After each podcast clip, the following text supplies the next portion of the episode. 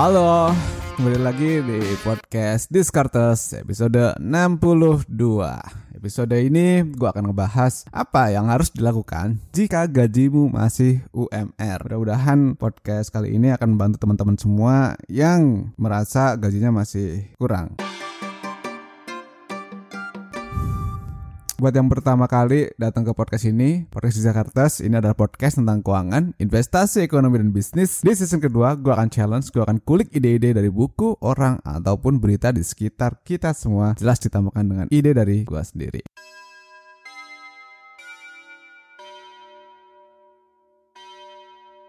Gue terinspirasi ngangkat topik ini karena banyak yang nge-DM di Instagram. Ada coba dong tolong ditulis atau bikinin story bikin podcast yang ngebahas gaji-gaji masih kecil gitu. Karena memang pada dasarnya di berbagai tempat di Indonesia masih banyak yang punya gaji UMR bahkan ada beberapa yang di bawah UMR makanya tonnya ini agak sedikit sedih nih. Kalau di Jakarta UMR sih udah di kisaran 4 jutaan ya.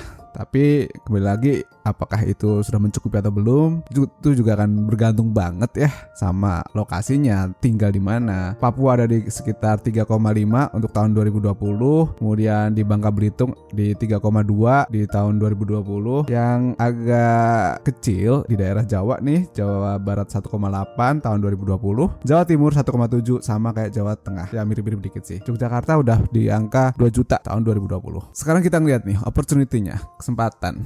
Kita lihat dulu dari opportunity seseorang yang gajinya masih UMR. Memang gaji kecil itu ngeselin, gue nggak muna. Ketika dulu gue dapat gaji yang kecil juga gue kesel banget. Tapi bukan kesel yang gimana, karena pada saat itu gue baru masuk kerja, masuk dunia kerja, terus yang biasanya nggak dapat gaji, dapat gaji. Ya seneng duluan sih. Tetapi ketika lama kelamaan kok segitu-gitu aja. Biasanya perasaan itu muncul ketika sudah dalam beberapa periode. Nggak mungkin pas awal mulai kerja karena itu adalah pertama kali dapat gaji gitu. Kecuali lu anak sultan yang setiap bulannya udah dikasih duit banyak terus baru masuk ke dunia kerja dikasih uang kecil ya mungkin itu langsung keselnya. Tapi kasus gue gue baru kesel ketika sudah panjang banget nih. Kok gajinya sekitar segitu aja gitu. Dan ini wajar.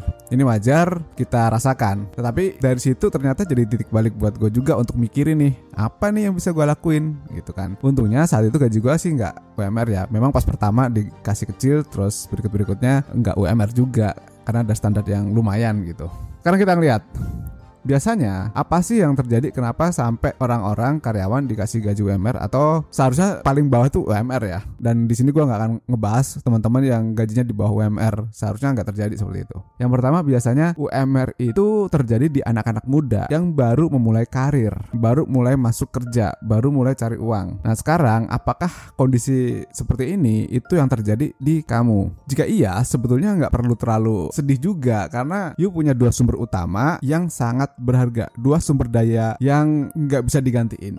Apaan tuh? Pertama adalah usia muda. Usia muda itu ada hubungannya dengan tenaga. Jadi ketika lu masih muda, tenaga lu masih kuat, lu bisa ngerjain hal-hal di luar pekerjaan utama. Ya karena lu masih darahnya darah darah panas gitu. Ngerjain ini itu juga kecapek ke handle gitu maksudnya. Kemudian selain masih muda tadi pada akibatnya yang kedua nih waktunya relatif lebih banyak. Waktu relatif lebih banyak tenaganya masih strong nambah pun kerjaan juga sangat-sangat memungkinkan gitu kan. Kalau misalnya lu suka main game ya udah jadi games profesional siangnya ngantor atau siangnya kerja UMR tadi malamnya ngegames buat dapat duit tambahan atau yang lainnya. Bikin video kek atau nulis buku kek atau apa, terserah. Sekarang gimana kalau kamu bisa optimize waktu dan tenaga yang lu punya? Itu kan berarti case-nya bisa berubah nih. Apakah dengan nambah jenis kerjaan sekalian nyari tambahan pengalaman? Nah ini kan pengalaman ini akan jadi super berharga di masa depan. Pengalaman-pengalaman yang baru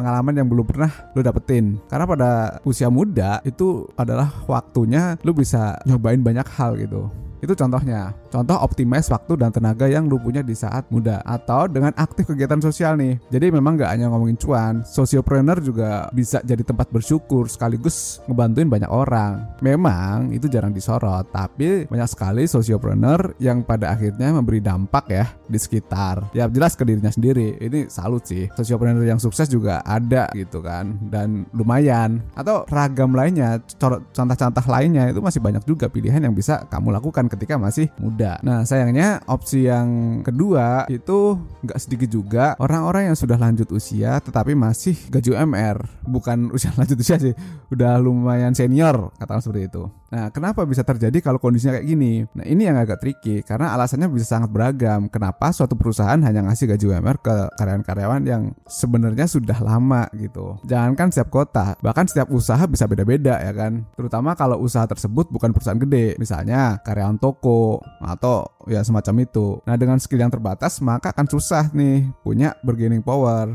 Ini gua ngeliat sendiri di kampung halaman gua gitu kan. Ya banyak yang masih sama gitu, masih sama ngasih gaji ke karyawan-karyawannya karena jadi dia udah ngikut lama dari dulu sampai sekarang setia gitu. Terus apa yang bisa dilakukan? Karena sudah masuk ke kategori senior, ini kan berarti memang sudah ada nih di level yang fokus pada kerjaan. Apakah fokus di pekerjaan yang memberi gaji UMR tadi harus fokus gitu? Belum tentu juga, tapi fase eksplorasi sudah harus dibatasi karena kan sudah punya keluarga, fisik udah jadi menurun. Nah, tetapi buat yang sudah senior kalau mau bisnis itu mulai nih banyakin waktu ke sana. Jadi nggak hanya fokus di kerjaan yang utama tadi gitu. Atau kalau mau tetap di jalur karyawan, lihat sampai di titik mana kamu bisa dapetin kenaikan gaji. Apakah memungkinkan atau tidak? Pernah nggak diobrolin sama si bos atau belum? Ya gue yakin jawabannya nggak akan memuaskan uh, dari yang gue sampaikan tadi. Tapi karena buat mendapatkan jawaban yang pas, background story itu harus clear. Sementara ini ya gue tembak rata dulu aja gitu. Si B,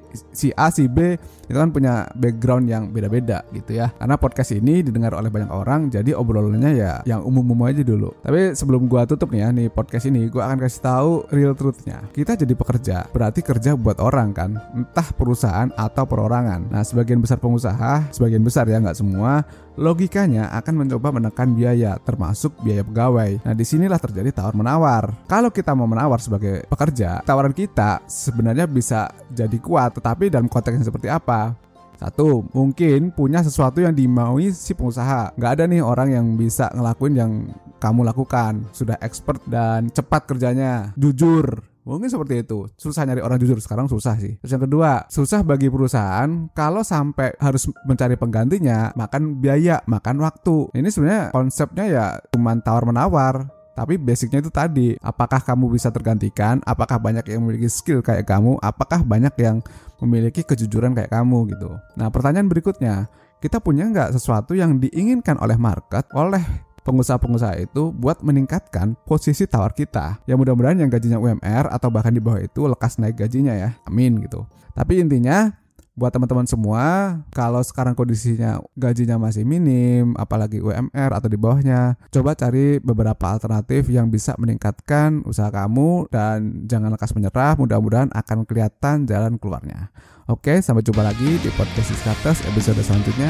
Thank you and bye-bye.